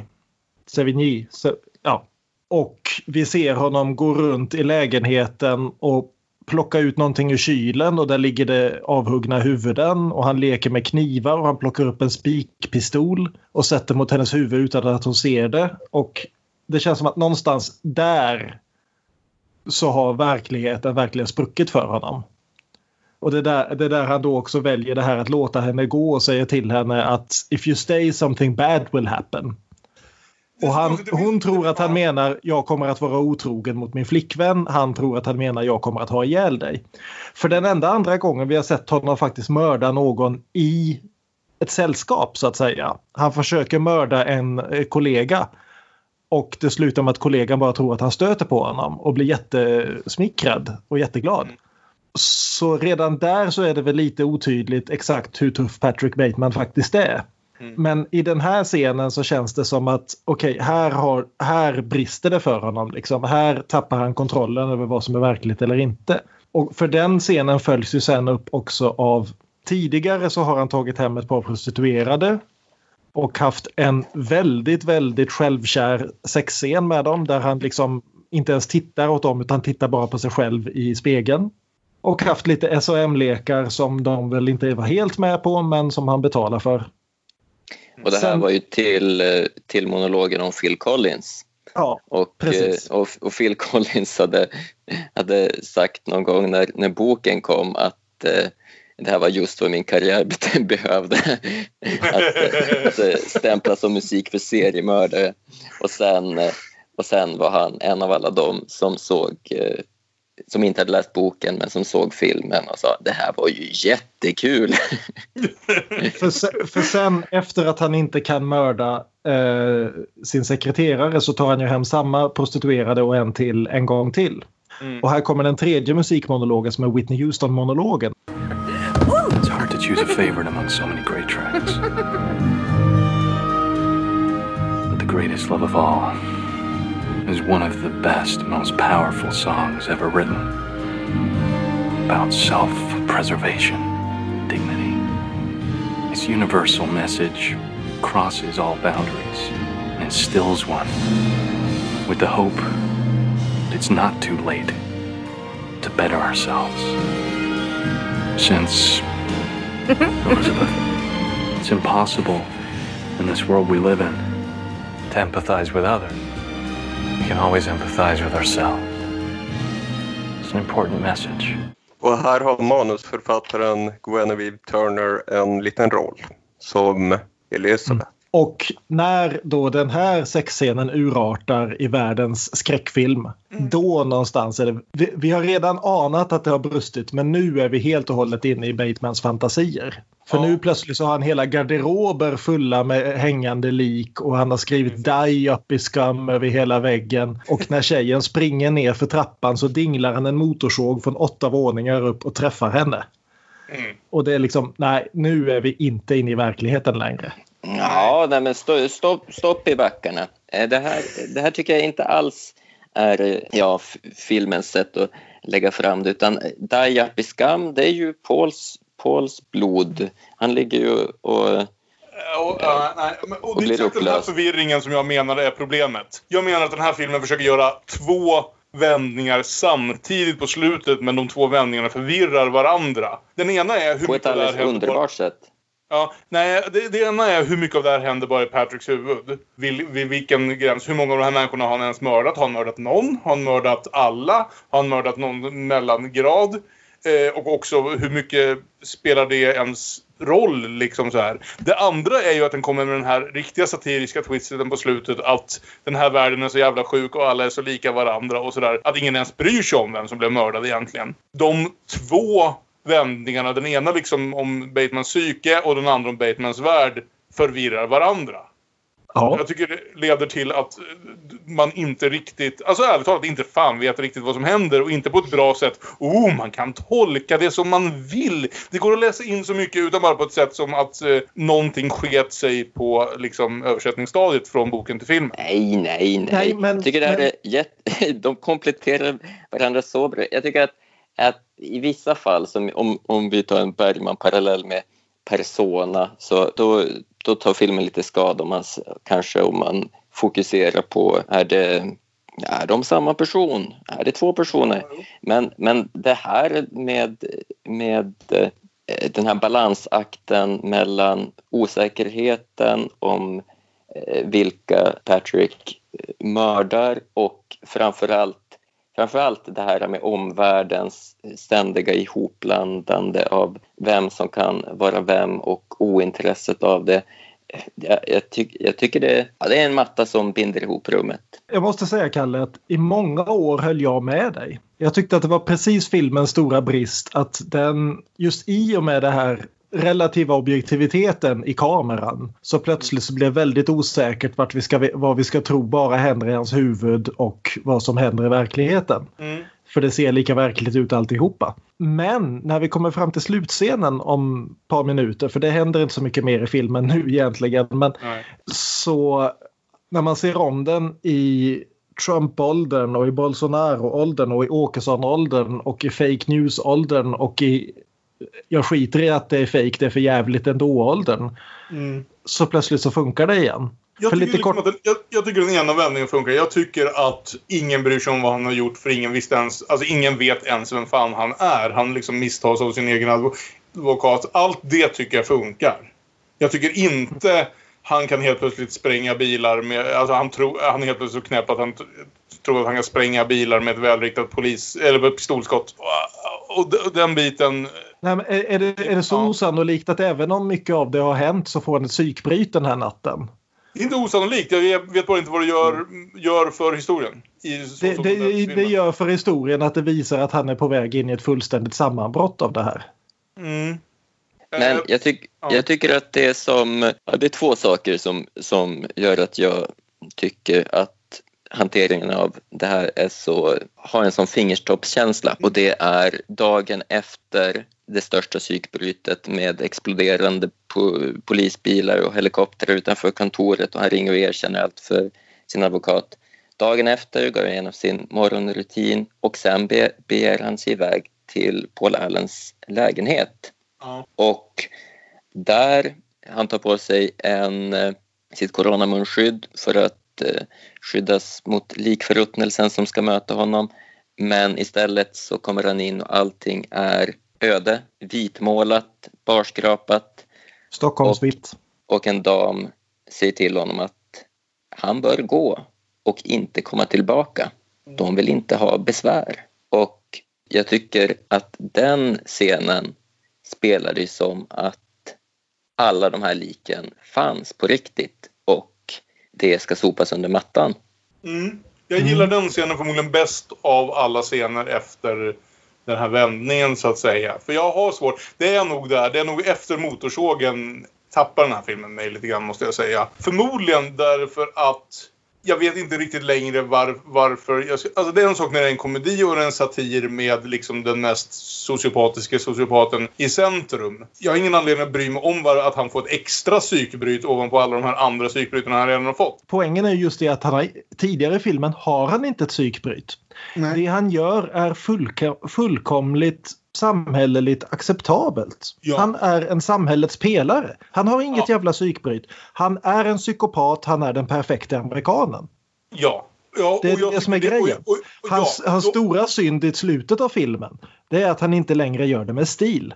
Mm. Det är att han, han, han under några minuter låter det här faktiskt påverka honom. Han drabbas av någonting som han tror lik, kanske liknar skuldkänslor. Och sen så får vi då den här slutscenen efter att han har sprungit på sin advokat och advokaten A tror inte på att det är han som är Patrick Bateman och B hävdar bestämt att du det är inte roligt, jag träffade Paul Allen i London i förra veckan. Och vi får aldrig veta, träffade han faktiskt Paul Allen eller trodde, träffade han någon annan han trodde var Paul Allen? Eller var den som Patrick Bateman högg ihjäl överhuvudtaget inte Paul Allen?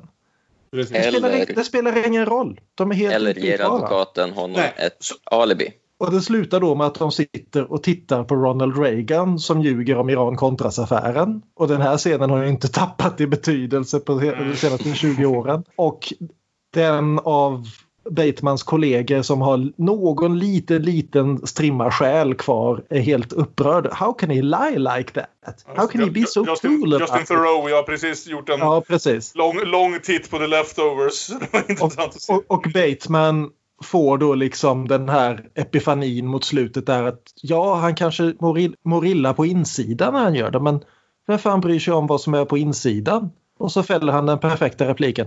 Whatever. Mm.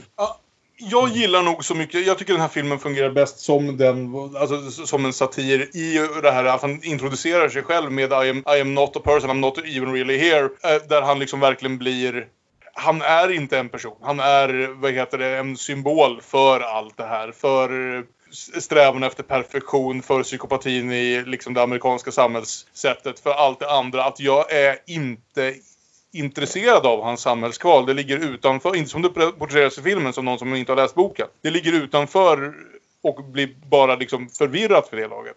Så jag tycker, jag håller nog fast vid det här att jag tycker de två sakerna gör den mindre tight. Gör den förvirrad, inte på ett intressant ord, det här kan man tolka på flera sätt. Jag, jag Ja, håller med om ja. att man inte kan tolka den på flera sätt. Den är absolut inte subtil. Däremot Nej. tycker jag att det sättet jag tolkar den på är ganska uppenbart och väldigt kul. Men ja, Mm. Ja, nej men det, det är mina... Men, men om, om vi, en snabb sak här bara. Om vi ska ta och knyta ihop det med nattportieren.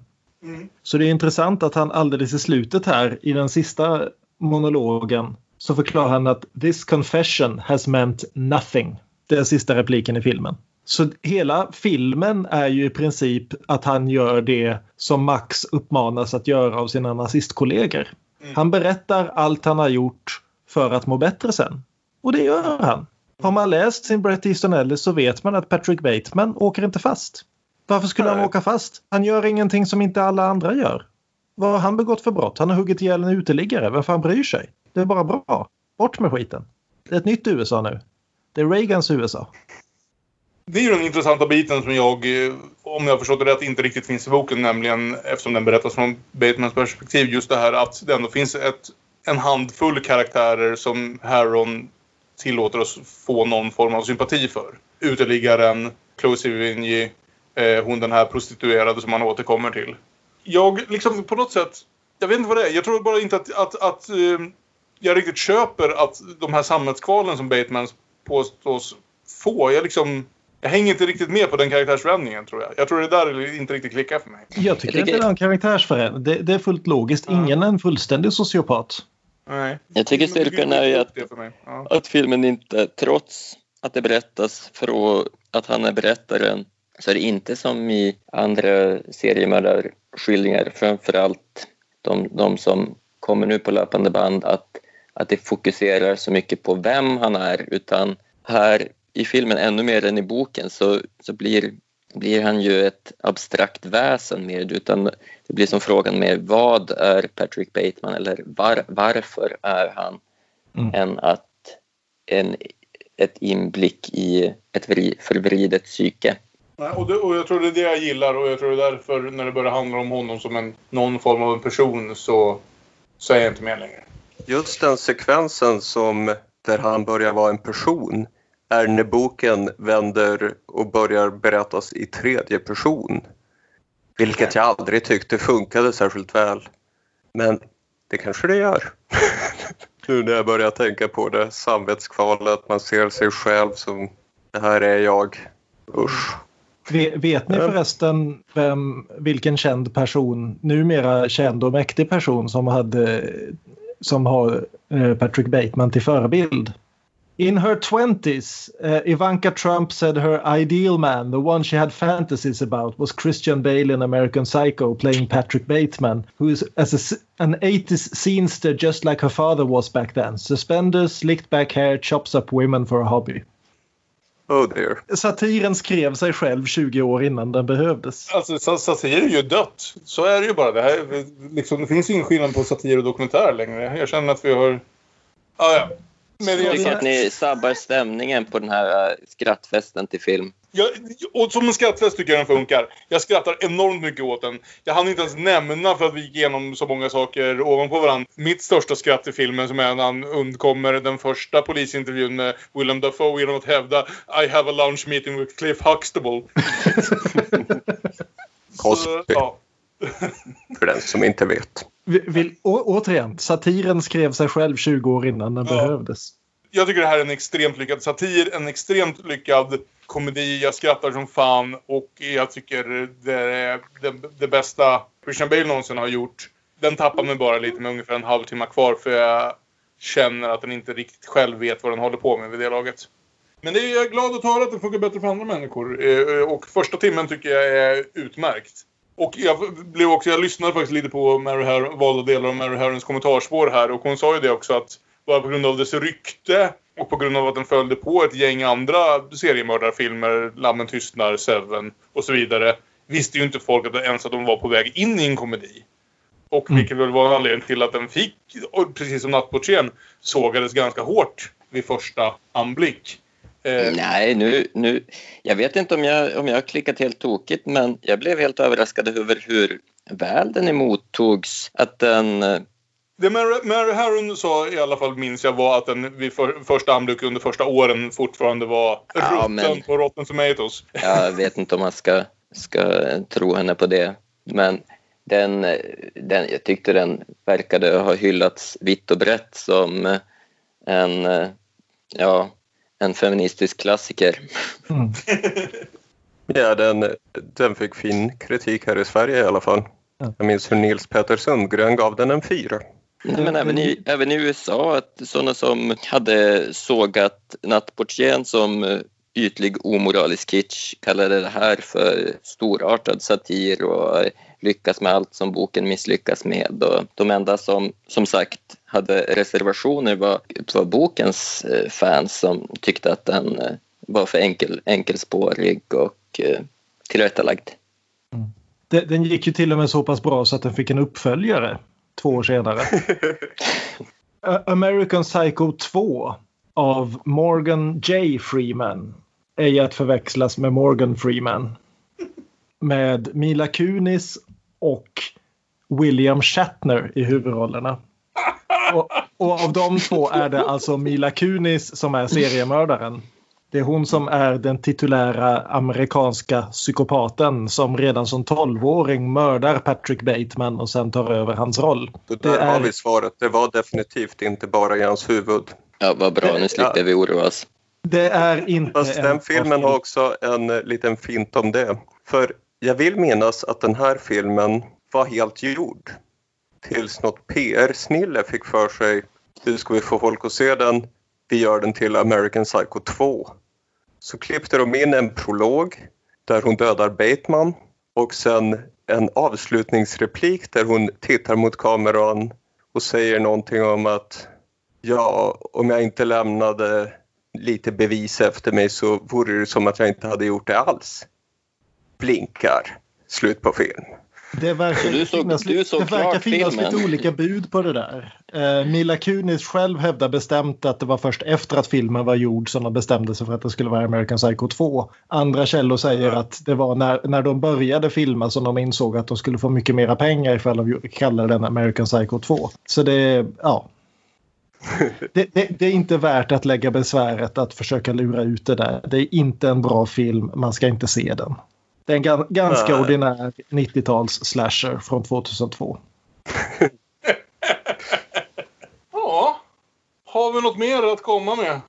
Mm. American Psycho var den första DVD jag köpte. Jag hade inte ens en DVD-spelare vid tillfället. Men den här köpte jag. Beställde från England. Jag hade ju VHS-kopian sedan tidigare men kunde ju konstatera att i slutet ser man inte på VHS-kopian att det står “This is not an exit” på dörren bakom Patrick. “This is not an exit” de sista orden i romanen. Det ser man på DVD-kopian. Ett tidigt bevis för mig att DVD var överlägset VHS. Så det var bra att få det bevisat redan med den första DVD jag köpte. Och jag, jag, såg den ju så många gånger och jag hade läst boken så många gånger innan och efter. Det var en... Ja, det var väl något av en besatthet där i sena tonåren. Jag var förtjust. Sen filmen, jag var ju en bokläsare och hade väl en del problem med men de tog bort det och gjorde till det. Men jag gillade alltid filmen ändå. Och jag tycker ibland klipper de ju ganska vilt ihop saker. Framförallt Batemans berättarröst har ibland några riktiga icke-sekatörer där han bara läser något från början av boken och sen något från slutet av boken. Och well, det var en vändning. Men jag tycker det funkar. Det gör en stämning av, han är lite erratic sometimes. Alltså icke-sekatör kommer jag använda från mig nu. Jag skiter i om det är rätt eller inte. Det var den bästa försvenskningen jag har hört på ett tag. Så den ligger mig väldigt varmt om hjärtat och jag kan ju egentligen inte säga om det är en bra eller dålig film. Och fans av boken som tycker att de klippte bort lite för må många av eh, våldsscenerna kan ju dessutom använda DVDn för att pausa under scenen där Chloe Sevigny går igenom sin chefs eh, kalender och upptäcker att han har inte ett enda jobbmöte någonsin. Det enda hans kalender innehåller är middagsdejter och en väldig massa teckningar av eh, dissekerade kvinnor. Mm. Och jag är ganska säker på att i princip alla våldsscener från filmen finns insmugna där som ett litet påskägg för den som vill slita ut sin pausknapp. Nu sa du filmen när det skulle vara boken igen. Skitsamma. Jag kanske sa filmen när det skulle vara boken, men ni vet Det är vad vi gör på den här podden. jag tycker det, den, den, scenen är mer än ett Easter egg. Jag tycker det är en del av vad jag skulle kalla ett riktigt bra slut på en riktigt bra film. Som Absolut. håller hela vägen igenom. Easter egget menar jag är alla de individuella våldsscenerna med motorsågar och råttor och eh, ishackor och allt vad det är. Ja, det är väl ungefär vid det här stadiet i eh, avsnittet som vi brukar be alla närvarande att välja vilken av de här filmerna de tycker bättre om. Det känns som att jag inte ens behöver fråga alla som inte är jag. Men vad tycker Men du då, Kalle? Det är intressanta jag måste säga att jag tycker att första timmen av Nattportieren var så pass unik upplevelsen, så pass... Jag har problem som ni märker med slutet på båda de här filmerna. Nattportieren har det sämre slutet helt klart, men jag undrar om jag inte ändå tycker att, att eh, dess första halva är så pass unik, så pass stämningsfull, så pass bara annorlunda att det ändå väger upp det. Men vi kan säga så här, det är väldigt mycket närmre än vad det varit för mig någon gång tidigare. Det är, ja, i critical-termer ligger de inom en eller två poäng från varandra. Men jag, jag kommer ner på noll på kritiker så... är 1 till 100. Ja, för. precis. så jag, säger, jag, säger, jag säger nattportieren mest för att vara motvalls. Jag gissar att alla ni andra säger American Psycho. Jag gör det, men jag gillade också nattportieren. Även om, well, som vi sa. Okej. Okay. Jag, jag skulle bara säga att jag, även jag röstar på American Psycho, men jag, jag kan också säga att BBC håller med på deras lista över tidernas 100 bästa filmer över kvinnliga regissörer. American Psycho plats 18, Nattportieren plats 32. Så det var, det var en liten chock att den har ändå ett sånt kultfölje att den till och med bland kritiker kan kvala in på såna här bästa listor. Ja, med allt det sagt om dessa psyk mordiska psykopater och deras eh, kärleksliv. Eh, så kommer vi väl fram till den nya varianten av dubbelbull som vi kallar för vad då Aron? Gissa den tredje jag kan tänka mig att börja bara för att jag är lite rädd att Aron ska sno den här annars. Om det inte är så enkelt att han redan har sa den någon gång under dubbelbulltiden. Men eh, mitt val för Gissa den tredje, filmen som alltså på något sätt knyter samman Nattportieren med American Psycho, är David Cronenbergs Crash. En film om typiskt amerikanska amerikaner som har vissa specifika fetischer och eh, som uttrycker dem på ett oerhört oerotiskt sätt. Och det är ju liksom, liksom Nattportieren är en film om förbjudna förhållanden. Liksom American Psycho är en film om eh, den mörkare sidan av Amerikat och eh, en, en satir av de människorna. Och jag är också, tycker jag, nog en bättre film än någon av de två som vi har pratat om här ikväll. Så den kände jag att det är den. Knöt det kände jag att den knöt samman de här två ganska väl. Och hur var det Aron? Använde du den som dubbelbull någon gång? Du använde ungefär hälften av Cronenberg-filmerna vid något tillfälle, men jag kommer inte ihåg om Jag Crash var tror inte jag använde Crash någon gång, men det är min favorit Cronenberg. Och Cronenberg hade ju länge jobbet att han var den som skulle regissera American Psycho. Men jag tror inte det hade varit en rolig satir om Cronenberg gjorde den. Och Vi- vi ska- väldigt bra vi att ska- det inte blev Oliver Stone med Leonardo DiCaprio i huvudrollen. Herregud. Ja, jag tror Cronenberg skulle ha Johnny Depp i huvudrollen. Herregud. Och han hade tydligen beställt manus av Bret Easton Ellis. Men inget våld skulle visas, inga restaurang och nattklubbscener. Det här är Bret Easton Ellis som berättar historien, så vem vet Det är en om kort stämmer. film alltså. Ja, jag, jag undrar hur han hade tänkt sig den. Sen var det någon annan som skulle göra den i svartvitt. Sen fick Mary Harron jobbet. Sen fick Mary Harron sparken för Oliver Stone skulle göra den med Leo. Och sen fick Leo andra planer och gjorde The Beach. Och Mary Harron fick göra den här filmen med Christian Bale. Slutet gott, allting gott. Ska jag säga att Crash ska inte blandas ihop med den där filmen som vann Oscar för några år sedan som handlar om Los Angeles. Jesus. Som en, som en annan favoritpodd, eh, Screen Drafts, uttryckte det. There's the racism is bad crash and there's the sure I guess I can try that whole crash. Precis. Crash av David Cronenberg. Den är bra. Se den. Den knyter samman till de här filmerna. Ursäkta att jag bara hoppade in där, men jag kände att det fanns en 50-50 chans att om jag inte tar den här först så kommer någon av bröderna Eriksson att göra det. Jag tänkte faktiskt inte ta den, men jag tänkte Secretary när vi ändå är inne på James Spader. Om man vill ha en litet James Spader-party. Mhm. Vilket vi väl alla känner för ibland. För Secretary har S och M, Och är faktiskt... men är mer romantisk. Ja. Jag älskar Secretary. Den är verkligen... Alltså James Spaders trilogi av sex filmer där från typ 88 till 2005 är inte så jävla illa ändå. Det är videoband och vilken är den tredje? Videoband. Crash och Secretary. Ja. Ja. Det är en fin trilogi av riktigt konstigt på ett riktigt konstigt tema. Ja, han hade det bra. Och jag ser att Secretary är skriven av två kvinnor. Men regisserad av Steven Scheinberg och från 2002. Ska jag ta min tredje? Det kan du göra. Mitt val är eh, å ena sidan en jättebra och hyllad film baserad på en mycket kontroversiell roman. Å andra sidan en synnerligen obehaglig eh, masochismskildring.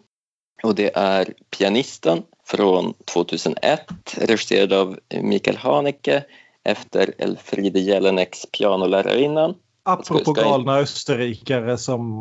Ja. Mm. Och jag har inte sett den eh, sen jag just klarade 15-årsgränsen på bio och eh, jag ska nog smälta den i ytterligare något årtionde innan jag ger mig på en omtitt. Eller kanske våga läsa boken som, som ska vara, som i, som i American Psycho, ganska mycket grövre än filmen. Ja. Jag valde den som dubbelbull till, jag kommer inte ihåg vilken av de jobbigare Bergman-filmerna nu, men... eh, Jaha, aj då. Det Ja, det, det ska inte du förväntas hålla koll på. Eh, Jag bara tänkte att eh, vi har lika god smak, på att säga. Jag tror ibland att om Pianisten inte är den bästa film som har gjorts sedan millennieskiftet så är den bra jävla nära toppen i alla fall. Och det här är alltså inte Förintelsen Polanskis dålig pianist. pianisten, utan ja, Han är Pianisten. Nej, det är en Ja. förbannat jävla stark film. Mm.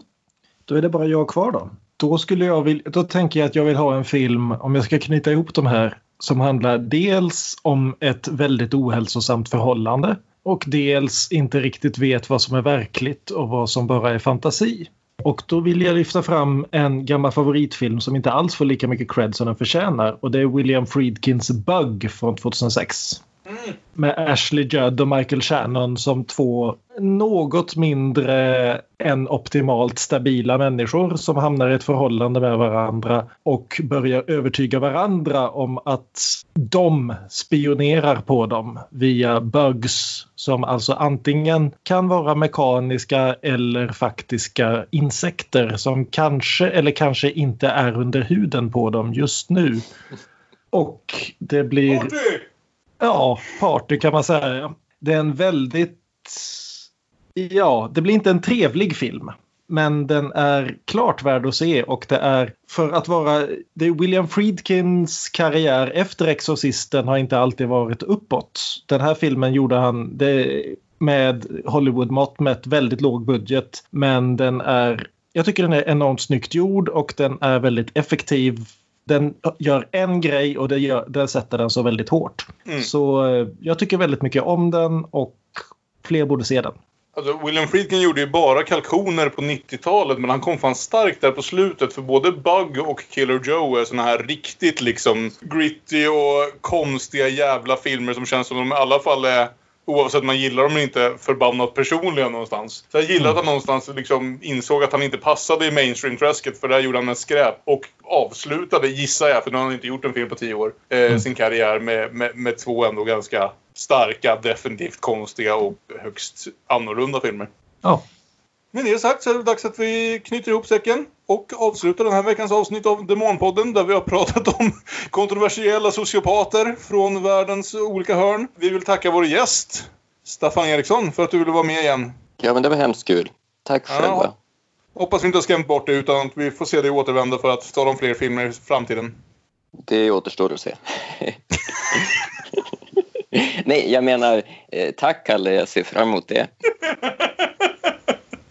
Det har ju skapats lite musik även denna vecka och eh, det fanns en hel teori bakom varför låten blev den som det blev och det tror jag att Aron är bäst lämpad att ta. Patrick Bateman gillar Whitney Houston. Vi gillar också Whitney Houston. Patrick Bateman har en syn på tillvaron att det är omöjligt att känna empati för andra människor man kan känna empati med sig själv istället. Han gillar The Greatest Love of All. Vår uppfattning är att det är omöjligt att känna empati med sig själv men det finns ändå nåd i mötet med den andra. Så vi ska göra My Love Is Your Love med min katt på kör. Jäklar vad Hon körar på alla låtar. Ja, och ni kan som alltid nå oss via de sociala medierna eller via mail. Vi är at Damonpodden på Twitter och på Instagram. Vi är Damonpodden med Ä på Facebook. Man kan mejla damonpodden.gmail.com. Nu var det ett tag sedan någon gjorde det, så kom igen nu. Det finns ju massor med frågor ni kan ställa. Ni kanske vill veta vilka filmer vi ska prata om. Det vet vi knappt själv, men vi kan ju försöka svara på frågorna. Och vi hoppas ni tyckte om det här avsnittet. Och nästa vecka ska vi titta på två filmer som kanske egentligen har en lite mer diffus koppling till varandra. Men eh, Björn har lite tankar om varför det ändå borde funka. Ja, vi tänkte som så att nu när SVT Play har lagt upp en hel del gamla svenska långfilmer av kvinnliga regissörer, eller inte så väldigt många, för det finns inte så väldigt många. Vad sa vi, mellan 1900, ja det var typ fyra filmer av kvinnliga regissörer totalt innan Maj Zetterling kom igång från stumfilmstiden. Ja, mellan 34 och 64 tror jag det var. Ja. På 50-talet kom bara två filmer regisserade av kvinnor. Mm. Båda 1956 och båda finns nu på SVT Play. Då tänkte vi helt enkelt passa på att se på Barbro Bomans Det är aldrig för sent innan det är för sent. Och då tänker vi liksom vad passar bra ihop med den här filmen om det sociala arvet och att ta sig ur den lott man är född till? Jo, det är ju naturligtvis då Lili och Lana Wachowskis Jupiter Ascending som kom här om året. Mm, precis, så två filmer som ändå någonstans har lite av ett gemensamt tema även om de hanterar det temat på ytterst olika vis. Ja, vi, vi ska hitta lite paralleller mellan dem också. Och då finns som sagt Det är aldrig för sent finns på SVT Play och eh, Jupiter Ascending finns på i princip alla sådana här eh, betal kanaler SF Anytime och Black Labbet. Mm. Det ska sägas också att Det är aldrig för sent eh, finns bara på SVT Play fram till den 16 juli. Avsnittet kommer släppas den 13 juli. Så om ni är sådana som lyssnar först och tittar sen så kan det bli lite liksom brott. Men i sådana fall så finns den på SF Anytime också att hyra för en smärre penning. Men ta chansen. Det har aldrig varit lättare att bli expert på svenska kvinnliga 50-talsregissörer än det är nu. Den andra 50-talsfilmen är Mimi Pollaks Rätten att älska, också på SVT Play, till den 15. Men den Som ska till och med- inte prata om. Som till och med går igång automatiskt direkt efter Det är aldrig för sent. Ifall man är så lat så att man inte ens orkar knappa bort så får man se bägge två i en följd. Dubbelbull. Precis. Ha det bra så länge. Hej då! Hej då! Hej då! Hej då!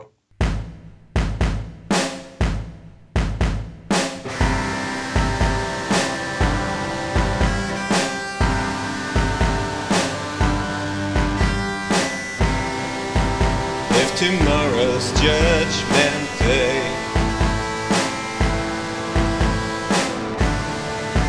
And I'm standing on the front line. And the Lord asks me what I did with my life. I would say I spent it with you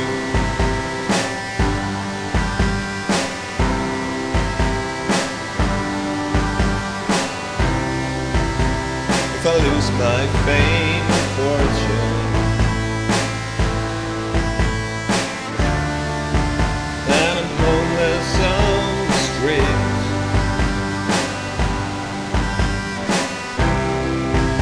And I'm sleeping in Grand Central Station.